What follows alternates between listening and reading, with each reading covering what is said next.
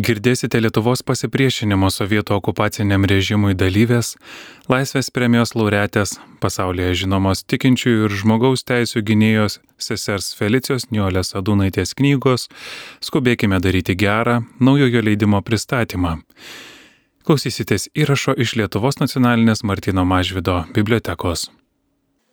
Labas vakaras visiems susirinkusiems. Būkit pasveikinta sesė Nijolė. Labas vakaras jūsų eminencija kardinolė Sigitai, ekscelencijos vyskupai, kunigai ir pašvestojo gyvenimo broliai bei seserys, pasipriešinimo sovietiniam okupaciniam režimui dalyviai, mūsų tauto šviesuoliai, prezidento kanceliarijos atstovai, Seimo ir vyriausybės nariai, kultūros ir mokslo projektų mecenatai bei remėjai, aktyvūs visuomenininkai, sveiki visi čia susirinkusieji, iš tiesų gera ir malonu matyti jūsų tiek daug. Šį vakarą susirinkome į Lietuvos pasipriešinimo sovietiniam okupaciniam režimui dalyvės, Lietuvos katalikų bažnyčios kronikos bendradarbės, politinės kalinės, tikinčiųjų ir žmogaus teisų gynėjos, laisvės premijos premijos laureatės, sesers Felicijos Nijolės Sadūnaitės knygos Skubėkime daryti gerą naujojo leidimo pristatymą.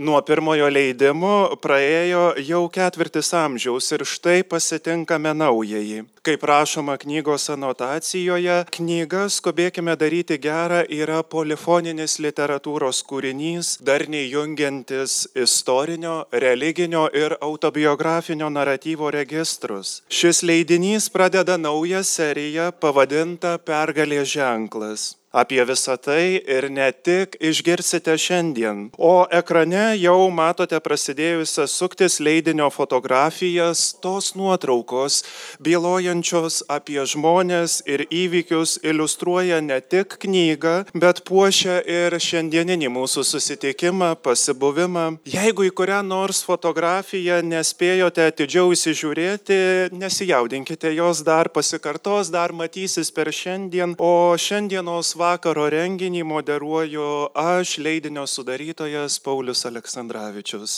Pirmiausia, visos leidybinės komandos vardu ir pristatymo organizatorių vardu noriu padėkoti Lietuvos nacionaliniai Martino Mažvydo bibliotekai, jos generaliniam direktoriui, profesoriui Renaldui Gudauskui, rinkodaros ir intelektinių paslaugų skyriaus darbuotojams, šaunėjai, kultūros projektų vadoviai Rūtai Chlomauskaitėjai, audiovizualinės įrangos ir informacinių technologijų specialistams už realiai suteiktą galimybę mums visiems čionai susirinkti ir būti tokioje puikioje, ko gero nebus sumeluota, prestižinėje erdvėje. Taip pat didelį ačiū tariame Ateitininkų federacijai, jos nariams, ateitininkams, uoliems savanoriams, nuoširdžiai pagelbėjusiems ruošiantis renginiui ir šiandien čia talkinantiems. Įprasta, kad susitikę žmonės pasisveikina. Ir šiandien čia jau buvo galima pastebėti daugybę bičiuliškų rankos paspaudimų, pagarbių galvos linktelėjimų, apsikeitimo draugiškomis šypsenomis. Taigi,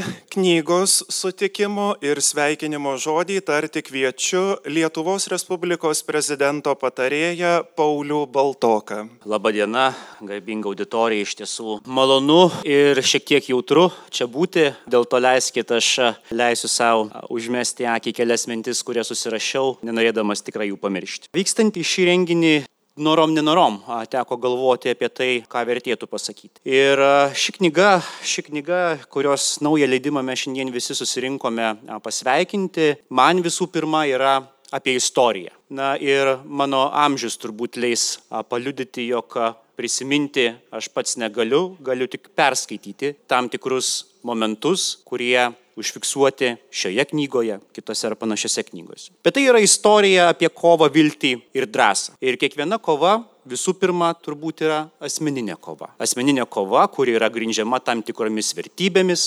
įsitikinimais, moralinėmis normomis. Asmeninę kovą lengva užgneušti, asmeninę kovą lengva pralaimėti. Kitas svarbus momentas, kuris iš tiesų a, sujaudina, tai yra tai, jog tai nebuvo asmeninė kova. Tai yra bendražygių kova bendražygių kova tikinčių tom pačiomis vertybėmis, siekiančių didesnio gėrio. tokios kovos užgneušti neįmanoma.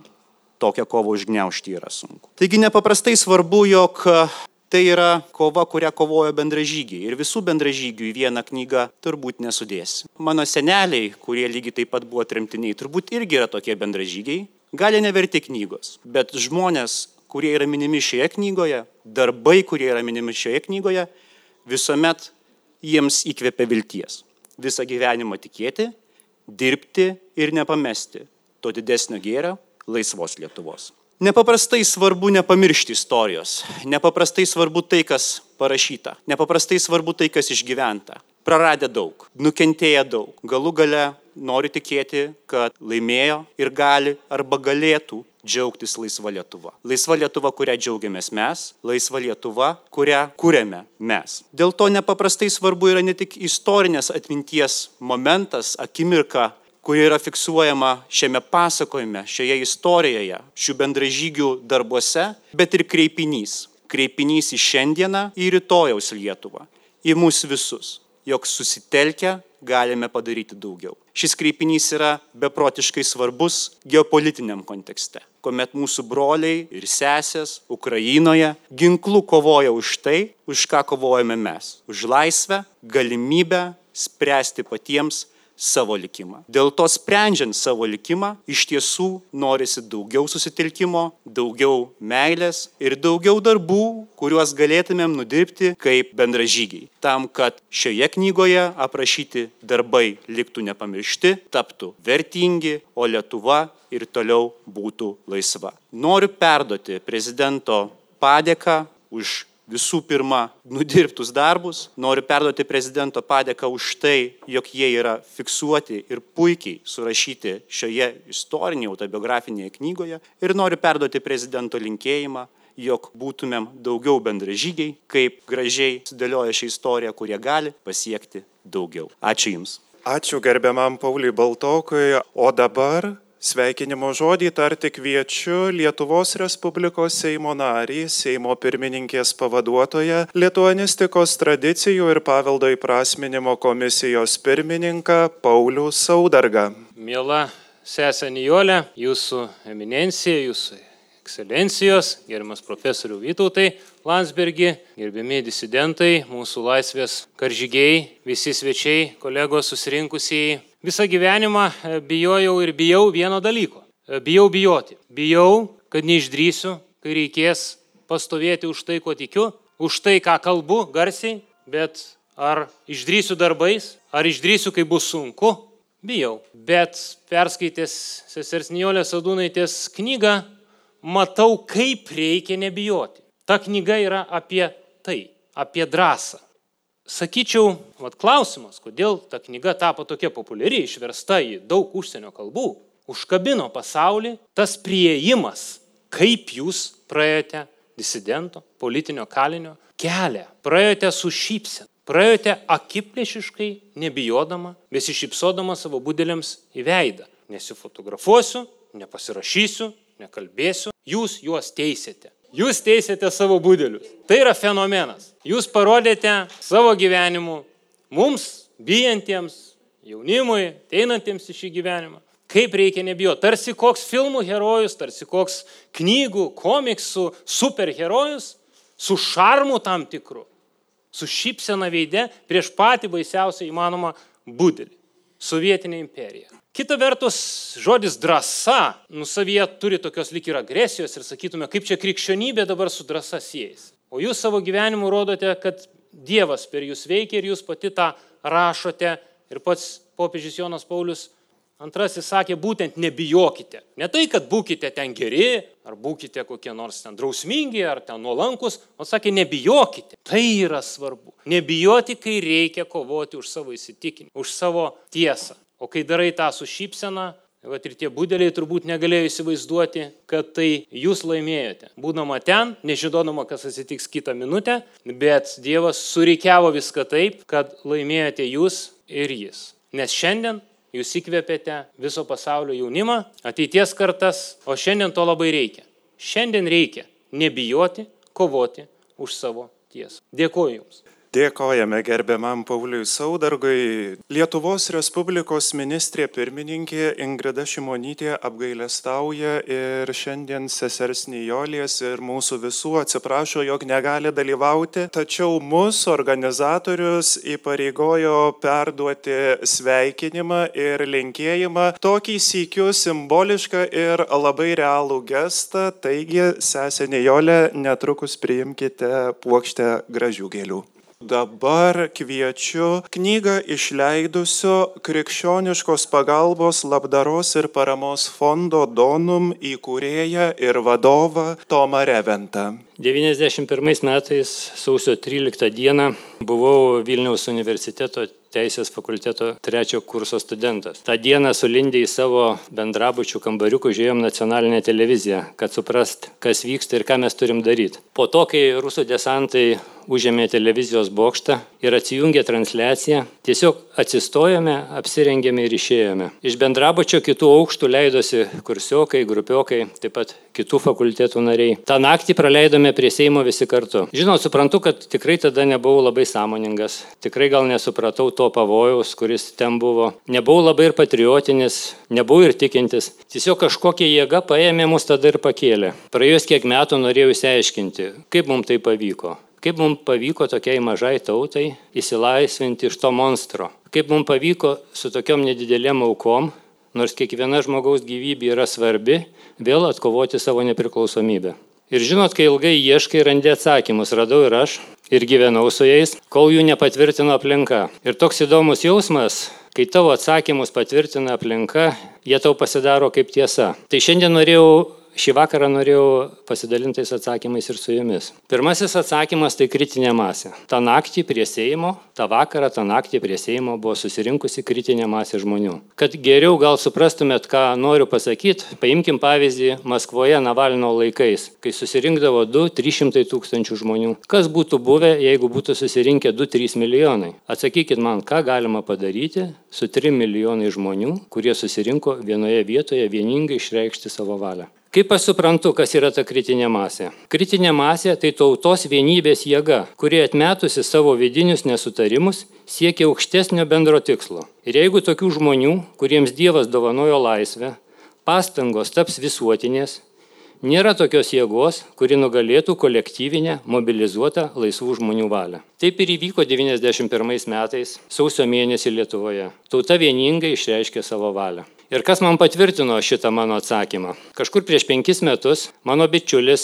kuris kažkur čia, Jonas Greiciūnas, noriu pasakyti, kad jis tuo metu buvo viešosios saugumo tarnybos kovinio parengimo ir ginklų skyriaus vadovas. Šiaip noriu paminėti jo kompetenciją, kad jis buvęs aštuoniuose misijose. Vieno iš mūsų pokalbio metu man pasakė, Tomai, kai pamačiau, kiek žmonių yra prie Seimo, supratau, kad polimas bus atšauktas.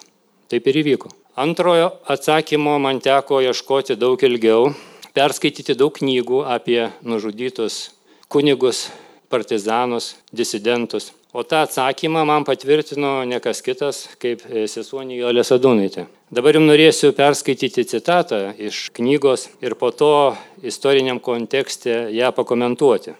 118 puslapis citata. Kai susitiksi, perduok lietuviams, kad jokia kita tauta neturi tiek šventųjų kankinių kaip Lietuva. Tegu lietuviai prašo savo šventųjų kankinių užtarimo ir Lietuva nežus. Nes dar bus daug įvairių katastrofų, kataklizmų.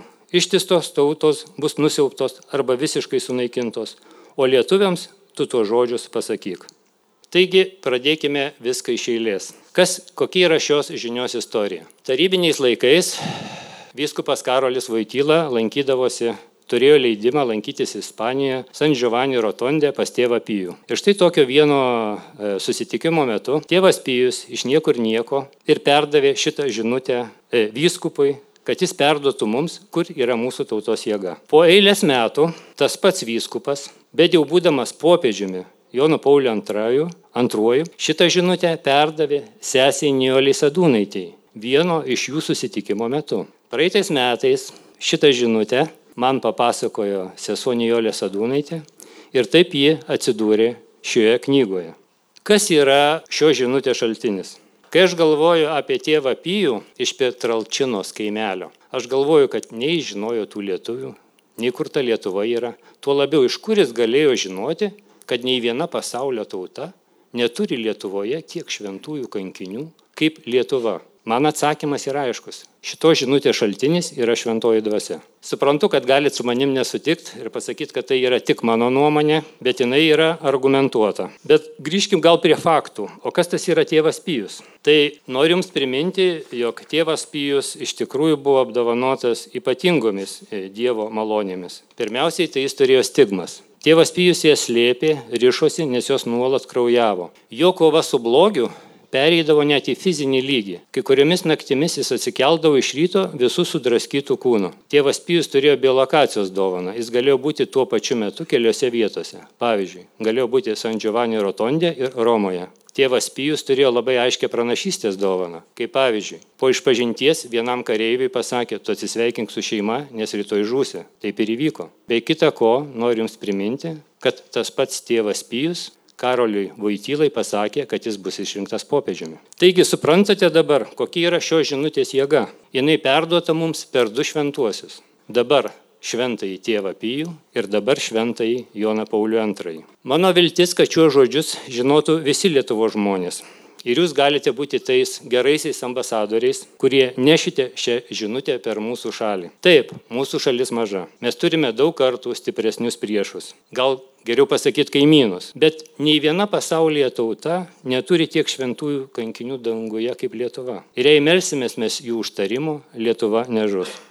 Jūsų eminencija kardinolė Sigitai Tamkevičių, Jūsų ekscelencija arkivyskupė metropolitė Kestutė Kievalai, Jūsų ekscelencijos katalikų bažnyčios viskupai, brangus kunigai ir vienuoliai, gerbiamas aukščiausios tarybos atkūrimo Seimo pirmininkė Vytautai Landsbergi. Dėkoju Jums už tą pavyzdį, nežiūrint savo garbaus amžiaus, kad aktyviai dalyvaujate mūsų šalies visuomeninėme ir politinėme gyvenime. Gerbiamas Seimo pirmininko pavaduotojų Paulius Saudargai, gerbiamas ministrė Dainiau Kreivy, gerbiami Seimos nariai, broliai ir seserys, pasauliečiai. Dėkoju Jums, kad šį vakarą esame kartu. Kažkas mus čia suvienijo. Aš galvoju, jog tai meilė tėvynį ir bažnyčiai.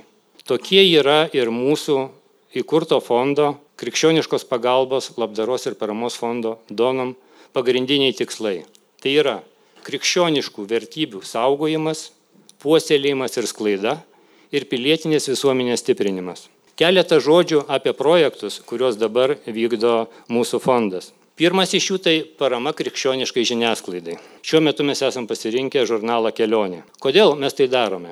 Pirmas. Mes turime aiškiai suprasti, kad Lietuva yra maža šalis, todėl skaitytojų ratas yra nepakankamas, kad šie leidiniai būtų pelningi. Ir mūsų pareiga yra remti krikščionišką žiniasklaidą. Antras.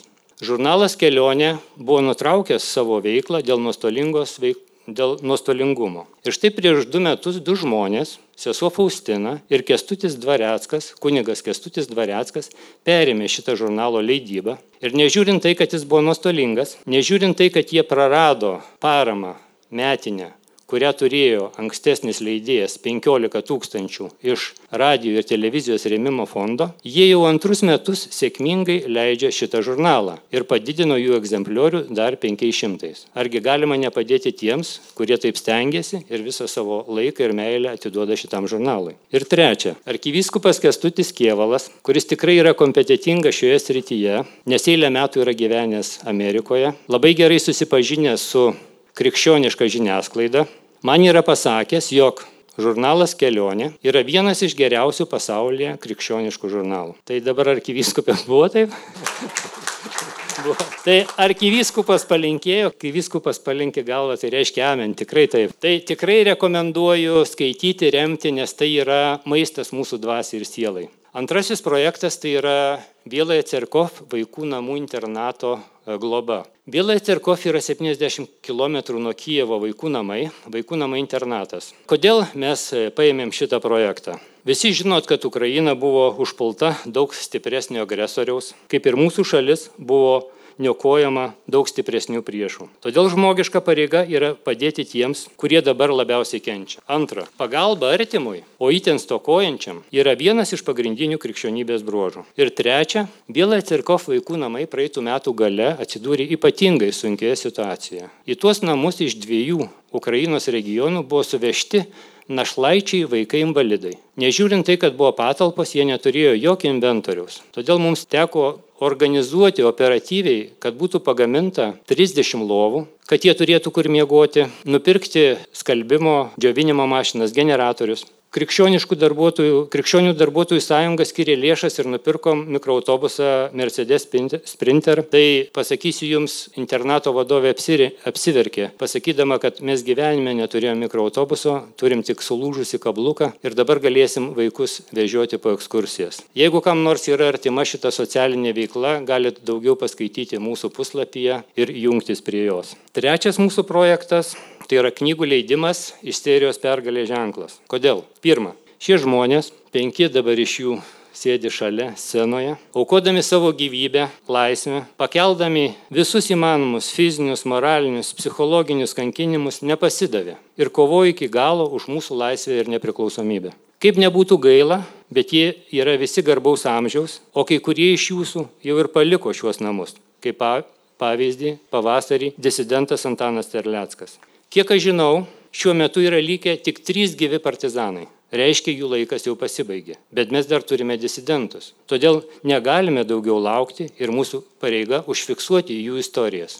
Fondo tikslas ne tik fiksuoti, bet ir įsaugoti. Mes leisim knygas ir audio knygas. Ne tik fiksuoti ir įsaugoti, bet ir įviešinti, ką darome dabar ne tik fiksuoti, įsaugoti ir viešinti, bet ir dovanoti. Šitas knygas, Isterijos pergalė ženklas, mes padovanosim visom Lietuvos viešosioms bibliotekom, šiai dienai yra 1300, ir visom bendrojo ūkdymo mokyklų bibliotekom 800, kad šitas periodas niekada nebūtų ištrintas iš mūsų istorijos. Džiaugiuosi, kad praėjus tik penkiems mėnesiams nuo fondo įsteigimo mums pavyko išleisti sesers Niolės Sadūnaitės knygą 4000 egzempliorių tiražu parašė savo atsiminimus ir gerbiamas Petras Plumpa. Ir ne tik parašė savo biografiją, bet ir pasidalino, kaip jis atrado Dievą lageriuose per atspindžio teologiją. Tikimės, kad jo knyga Kelias į gyvenimą pasirodys dar šią žiemą. Aktyviai bendraujame ir su dar trimis disidentais. Mūsų fondo tikslas - užfiksuoti jų visas biografijas, kol dar jie gyvi. Kaip ir minėjau, kad šitas periodas niekada nebūtų ištrintas iš mūsų tautos istorijos. Turime daug ir naujų projektų. Tačiau fondas tik prieš pusę metų pradėjo savo veiklą. Todėl naudodamasi progą noriu Jūs pakviesti, pranešdamas, kad mes dar neturime net ir suformuotos komandos, kad jeigu Jums artimi mūsų tikslai, mūsų veikla, kviečiame jungtis savo kompetencijomis, savo darbų, patarimais ir parama, svarstysime visus pasiūlymus. Kontaktus galite rasti mūsų puslapyje fondasdonom.lt. Žinote, ką gali padaryti vienas ir ką gali padaryti dešimtis žmonių, yra labai didžiulis skirtumas. Tik kartu susivienyje mes galim kurti geresnę Lietuvą. Ir paskutiniai du informaciniai pranešimai. Sesers Niolės Adūnaitės knygai skaitytojų prašymų paruošėme knygos pavardžių rodiklę. Negalvojame, kad šiai knygai ji bus aktuali, bet pasirodo, kad skaitytojai nori žinoti, ar yra prašytas vienas ar kitas žmogus šioje knygoje ir kuriame puslapyje jį rasti. Todėl šią pavardžių rodiklį jau kitą savaitę įtrauksime į mūsų puslapį ir skyriuje įvykdyti projektai prie Sadūnaitės, Niolės Sadūnaitės knygos jūs galėsite rasti ir pavar, pavardžių rodiklę. Galėsit ją nusikopijuoti ir įsidėti į knygą arba skaitydami knygą tiesiogiai naudotis internete. Dar kartą dėkoju kad šį vakarą esame kartu. Linkiu Jums geros nuotaikos ir dėkoju uždėmesi. Ačiū Tomui, belieka nuoširdžiai palinkėti sklandžių veiklų.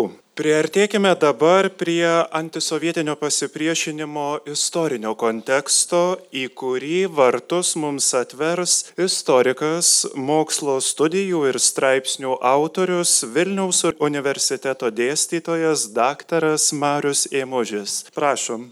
Turiu nedaug laiko pristatyti tokią plačią temą, Mes istorijos fakultete Vilniaus universiteto turime visą kursą skirtą antikomunistiniam pasipriešinimui. Ir ne tik Lietuvoje, ne tik Sovietų sąjungoje, bet ir e, vidurio Europoje. Tai toks na, platus dalykas. Todėl nebandysiu čia visko apžvelgti, bet e, akcentuosiu mano galva svarbiausius e, dalykus ar problemas, kurias turbūt pastebime ar galima pastebėti šitoje temoje. Pirmiausia yra savokos naudojimas, tai dažnai turbūt girdime ir šiandien girdėjome savokas disidentas ir rezistentas ir jos kartais naudojamos sinonimiškai.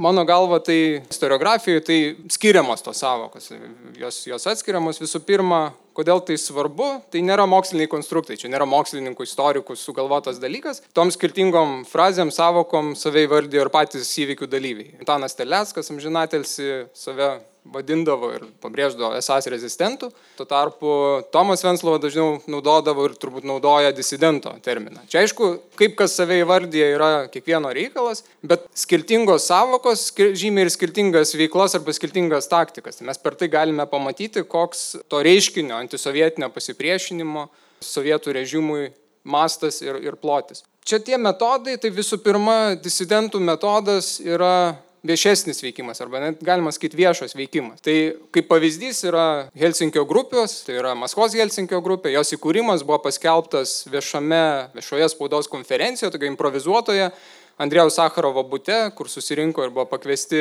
užsienio šalių korespondentai reziduojantis Maskvoje. Jie neslėpė savo pavardžių ir vardų, pasirašė tikrais savo vardais pavardėm, netgi adresus paskelbė. Tikslas buvo, kad su jais galėtų susisiekti. Bet dar svarbiau buvo tai, kad jie bandė parodyti, kad jie nedaro kažko, ko, ne, reiškia, neleistino. Jie norėjo parodyti, ir tas Helsinkio grupių pavadinimas, norėjo parodyti, kad veikia pačių sovietų parašytų įstatymų rėmuose. Nes, na, ir konstitucijų, ir kitur buvo garantuotos teisės, bet aišku, jų buvo nesilaikoma. Ir 1975 metais pasirašytas Helsinkio e, konferencijos baigiamasis aktas, ten irgi buvo sumaniai įtrauktos žmogaus teisų apsaugos e, punktai.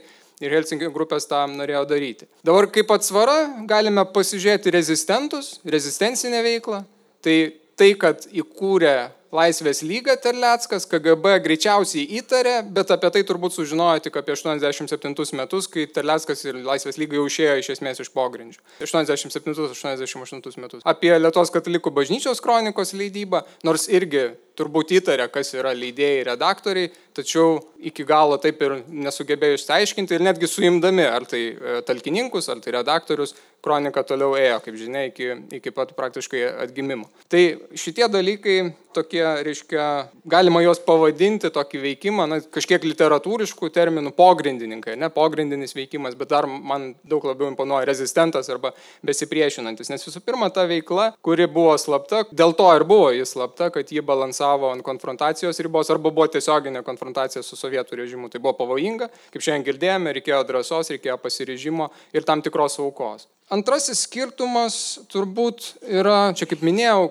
kiekvienas gali įsivardinti ir kiekvienas turbūt, čia tie įvardžiai netiek svarbus, bet antrasis skirtumas yra tematikos arba retorika, arba na, tam tikri taktiniai veikimo metodai. Disidentai atsargiai kalbėjo apie okupaciją, ypač Helsinkio grupėse. Visų pirma, na, taktiniais sumetimais, nenorėdami iš karto papulti į konfrontaciją su režimu, nes norėta taktiškai išnaudoti tą, ką įmanoma, tai yra kažkiek surinkti tos medžiagos apie žmogaus teisų pažeidimus. Apeliavo, kaip minėjau, minėjau, į e, esamus įstatymus, į, į, į konstituciją ir, ir taip toliau. Rezistentai, ir čia kaip atsvara mes galime iš karto pasižiūrėti, žinatelsi Terlecko veiklą, jisai visada pabrėždavo, kad Lietuva yra okupuota, labai akcentavo Molotovo Ribbentropo paktą. Ir aišku, kad Lietuvos nepriklausomybė turi būti at, atkurta, atstatyta. Ir, reiškia, kaip buvo atimta Moloto Ribbentrop pakto ir jos slaptųjų protokolų pagrindų. Čia taip nubrėžus tos savokų skirtumus ir, ir tam tikras ribas galima turbūt aiškiau suvokti ir, ir kas yra disidentinis rezidentinis judėjimas. Turbūt disidentinių, grinai disidentinių judėjimų, kaip tai apibrėžiama istoriografijoje, galėtume apibūdinti Helsinkio grupių veiklą, e, tikinčiųjų teisėms ginti katalikų komitetą, tačiau jo įkūrėjai, viskupas Kauneckas, kardinolas Tamkevičius taip pat veikia ir pogrindė. Tai čia irgi yra rezistencinis mano galvo veikimas. Pats rezistencinis pogrindis, jis irgi nebuvo vienalytis. Mes galime e, skirti bent jau tris tokias pagrindinės kryptis, tai yra tikinčiųjų teisų sąjūdis arba katalikiškas religinis e, pogrindis, tautinis tautinė kryptis ir taip pat liberalusis arba kartais pavadinamas intelektiniu. Ir čia vėlgi tas skirstimas yra gana saliginis, bet aš kaip minėjau, išskiria kalbėjimo būdas, pasirinkta retorika, netgi tam tikrą prasme turinys. Tai liberalaus ar intelektinio sparno atstovai, leidinys perspektyvos, Vytautas Kuodis ir Gintautas Iešmantas ir kiti leidėjai, jų puslapiuose galima buvo netgi sutikti ir tokiu buvo paskelbtas judėjimo už Lietuvos išstojimą iš SSRS organizacinio centro komiteto kreipimasis. Tai reiškia, išstojimas iš SSRS, čia, jeigu kas atsimenate, tai buvo konstitucijoje tokia įrašyta frazė, kad galima įstoti, aišku, nieks jie nei ketino suteikti, nei panašiai. Ir tada vėlgi kaip atsvarą pasižiūrime rezistencinį judėjimą, Antanas Terleckas ir kiti rezistentai visada pabrėždavo, Lietuva niekur neįstojo, Lietuva iš niekur ir neturi išstoti. Reiškia, turi būti atkurta nepriklausomybė taip, kaip ji buvo panaikinta. Okupacija yra neteisėta. Tai va čia tas esminis turbūt išsiskirimas. Esama ir kitų uh, tokių, sakykime, uh, išsiskirimų. Ir čia aš tikrai nenoriu pabrėžti ar pažymėti, kad kažkokio susiskaldžiusio sąjūdžio, jokių būdų ne. Bendradarbiavimo tikrai buvo. Čia tiesiog bandau E, parodyti tau veikimo taktikų įvairovę, pačio reiškinio įvairovę. Reiškia, kad tie žmonės mąstydavo, kaip elgesi, ne tik, kad kažkaip spontaniškai elgesi, buvo daug labai mąstymo, kaip geriau elgtis ir kaip išnaudoti tą situaciją savo e, tikslų naudai. Na ir tas bendradarbiavimas, mes šiandien matėme ir Sergejaus Kovaliovo nuotrauką, tai vad su rusų disidentais, su Maskvos disidentais irgi buvo bendraujama. Na ir trečioji dalis, pabaigai Pasižiūrėkime į tikinčiųjų teisų sąjūdį, tai yra viena iš, iš mano minėtų rezistencinių krypčių. Nebejoju, kad čia gerbiami prelegentai papasakos daug įdomių istorijų. Aš akcentuosiu genezę. Tikinčiųjų sąjūdžio kilmė yra maždaug 70-mečio pabaiga, 80-mečio pradžia, kai atsiranda ne tik drąsesnių kunigų, kurie jau sako drąsesnius pamokslus ir, na, galima sakyti, būdina savo parapiečius, bet atsiranda kunigų, kurie jau nebijo katechizuoti vaikus, kas buvo draudžiama, e, nebijo e, išreikšti atvirių minčių ir tai pasimato kolektyvinių peticijų ar e, kreipimusi mastu. 1968 metais viena pirmųjų tokių peticijų, 63 e, Vilkaviško viskupijos kunigai kreipėsi dėl to, kad būtų ribojamas, kažkaip užkertamas kelias valdžios kišimusi į kunigų seminarijos reikalus. Ir viso 1968-71 metų periode yra 10 tokių kolektyvinių peticijų, kurias pasirašo bent po vieną kartą 350 kunigų. Tai yra istorikų teigimu, čia remiuosi jų tyrimais ir tai yra apie pusę maždaug tuo metu Lietuvoje dirbusių kunigų, reiškia, tai yra didelis kiekis žmonių, kurie jau nebijo. Matyti tai reaguojant, sovietai pradeda griežtinti bausmes, nors ir iki tol mes žinome, kad tikrai tos bausmės buvo griežtos, bet kažkurio metu jau buvo bandyta, ypač po Hruščiovo, mažinti tą tokią konfrontaciją, ieškoti kažkokių bandymų susitarti. Vis dėlto pamačius tą aktyvumą pradedama suiminėti ypač tuos kunigus, kurie katechizuoja vaikus. Tai visų pirma yra kunigas Šeškevičius, e, tada 71 metais kunigai Juozas Debskis ir Prosperas Bubnys suimami ir, ir, ir teisiami. 72 1992 metais yra paskelbiama be net didžiausia kolektyvinė peticija, būtent ginant kunigus, bandant juos užtarti. Kolektyvinė peticija adresuojama Breždėvui ir ją pasirašo apie 17 tūkstančių Lietuvos gyventojų. Tai yra didžiulis mastas, bet vis dėlto peticijų na, taktika, jeigu taip galima ją pavadinti, buvo gana ribota. Visų pirma, KGB atimdavo greičiausiai pasirašiusių į lapus iš žmonių, kurie rinko tos parašus. Tas pasiekiamumas irgi turbūt buvo gana nedidelis. Dėl to tai vienas iš pagrindų, kodėl pradeda rastis katalikiško pogrindžio leidinių, savilaida leistų leidinių poreikis ir 1972 m. pavasarį pasirodo Lietuvos katalikų bažnyčios e, kronika.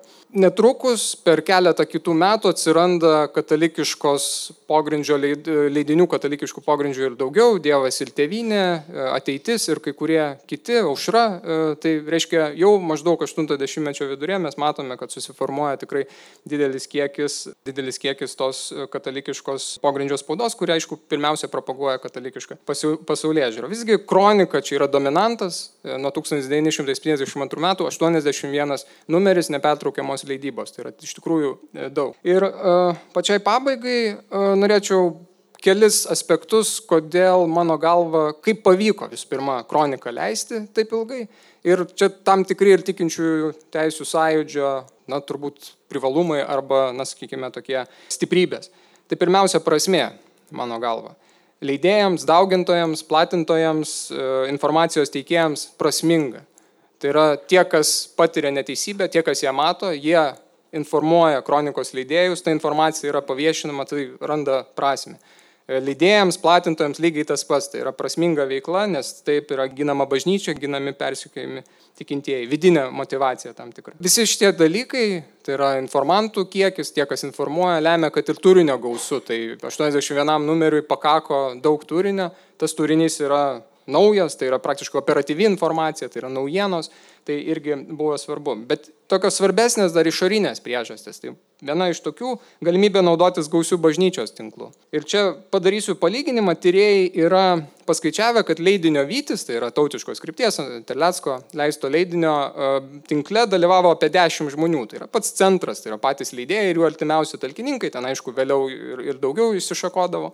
Tai Rūpintojėlio katalikiško leidinio jau buvo 22 žmonės centre. Aišku, tai yra leidėjos seseris Ale Počilpaitė ir Rado Urbonaitė, bet aplinkės yra dar 22 žmonės ir tiek kiekvienas turbūt savo tinklą irgi sudarydavo. Tai reiškia vis tiek tas bažnytinis tinklas yra platus nelegalios, tuo metu draudžiamos, vienuolijos jos irgi prie to prisideda. Ir kronikos priesakas, perskaitęs duok kitam, kaip suprantate, tą tiražą, kuris siekia kelius šimtus, padidino na, eksponentiškai daug kartų. Na, aišku, sustigavimas, veikla konspiratyvi, veikla pavojinga, veikla sudėtinga, bet ji veikia. 1973 metais suimamas ir nuteisiamas Petras Plumpa, 1974 metais sesuo Nijolė Sadūnaitė, vėliau kiti, praktiškai 11 talkininkų kronikos yra nuteisiami, suimami nuteisiami per ketverius metus. 1983 metais suimamas tuo metu kunigas Tamkevičius, bet kronika eina, nes po suėmimo e, Tamkevičiaus perima kunigas Boruta, perima seserys Mališkaitė ir Šuliauskaitė. Reiškia, sustigavimas tam tikras ir tas žinojimas, ką reikia daryti, kaip reikia elgtis, irgi egzistavo ir tai irgi buvo svarbu.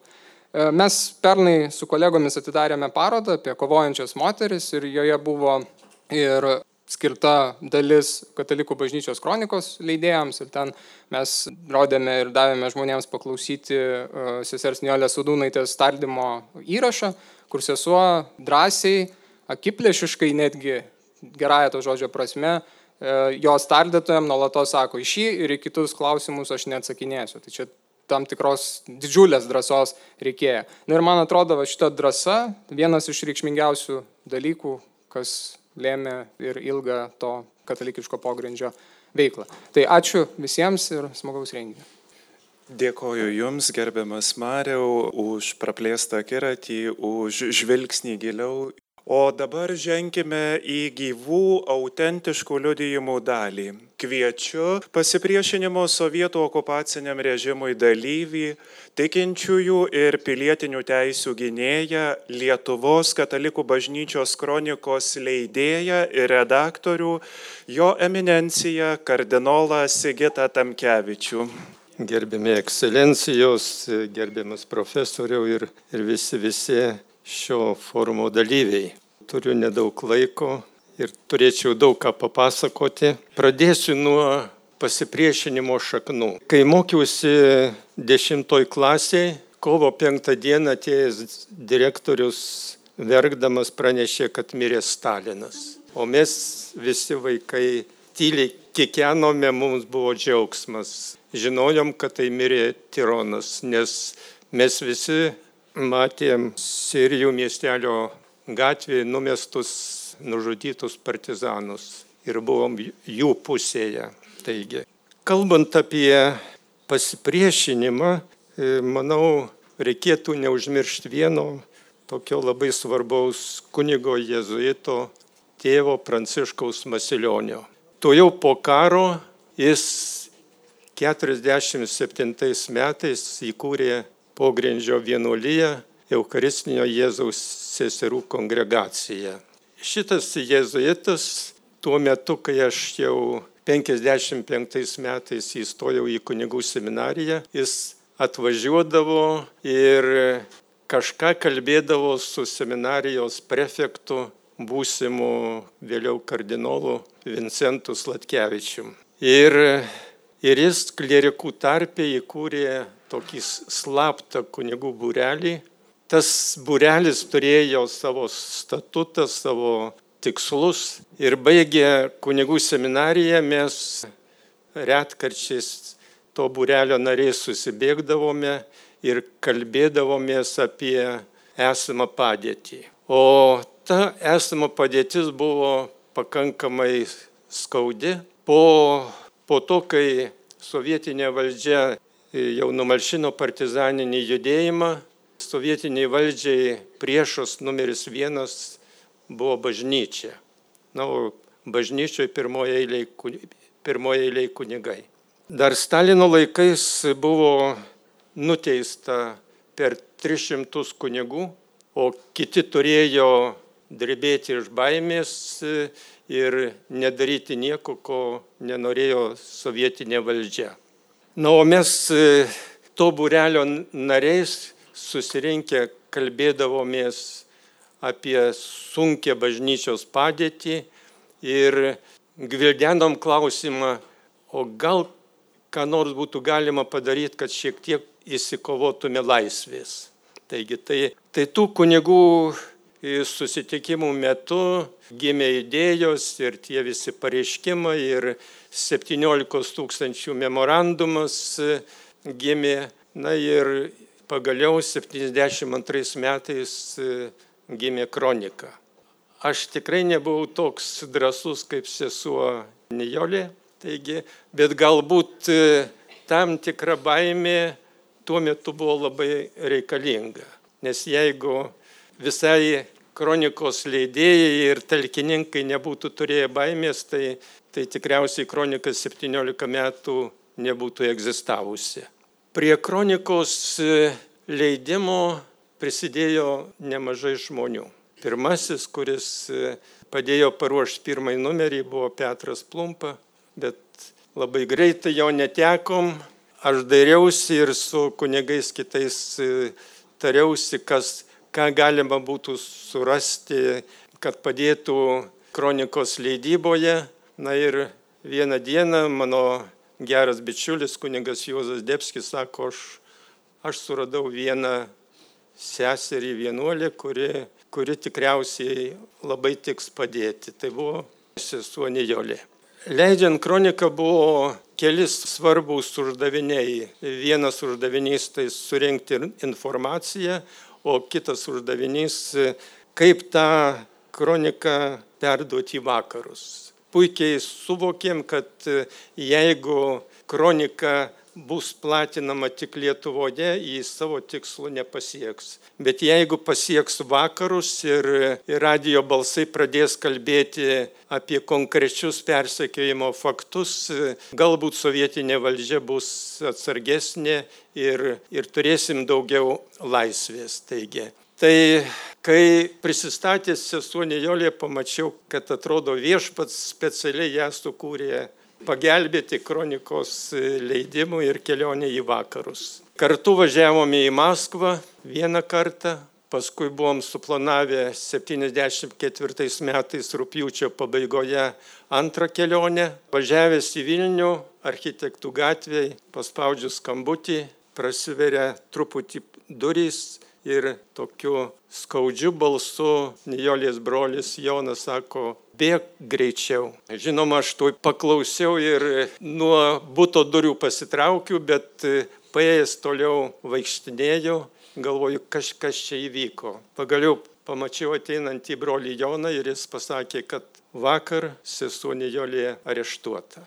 Taigi, tai buvo iš tikrųjų labai didelis praradimas už tai, kad tokių, tokių žmonių tikrai netai buvo lengva surasti viešpats, viešpats laimino. Manau, vieni ėjo per lagerius, nešė kryžių ir, ir tuo pačiu ir meldėsi, ir buvo Dievo palaima, atsirado kiti žmonės, to paties kunigo Masilionio įkurtos vienuolijos seserys ir šventos šeimos seserys, kurios prie kronikos leidimo labai labai daug prisidėjo. Tai Šiandien žvelgdamas jau iš perspektyvos, iš tikrųjų va, dėkoju Dievui va, už tą kunigą jėzuitą Pranciškų Vasilionį, kuris organizavo mūsų seminaristus. Dėkoju Dievui, kad suvokėm, kad reikia nebūti pabirusiais žirneliais, bet reikia kartu kurti planus, ieškoti išeities. Taigi, na ir šitą drąsių pasiaukojusių ir kunigų, ir seserų vienuolių, ir pasauliečių dėka vieną kitą gerą darbą laisvės kovoje padarėme. Ačiū uždėmesi. Girdėjote vienuolės Felicijos Nijolės Sadūnaitės knygos pristatymo vykusio Martino Mažvido bibliotekoje pirmąją dalį. Antros dalies kviečiame klausytis vėliau.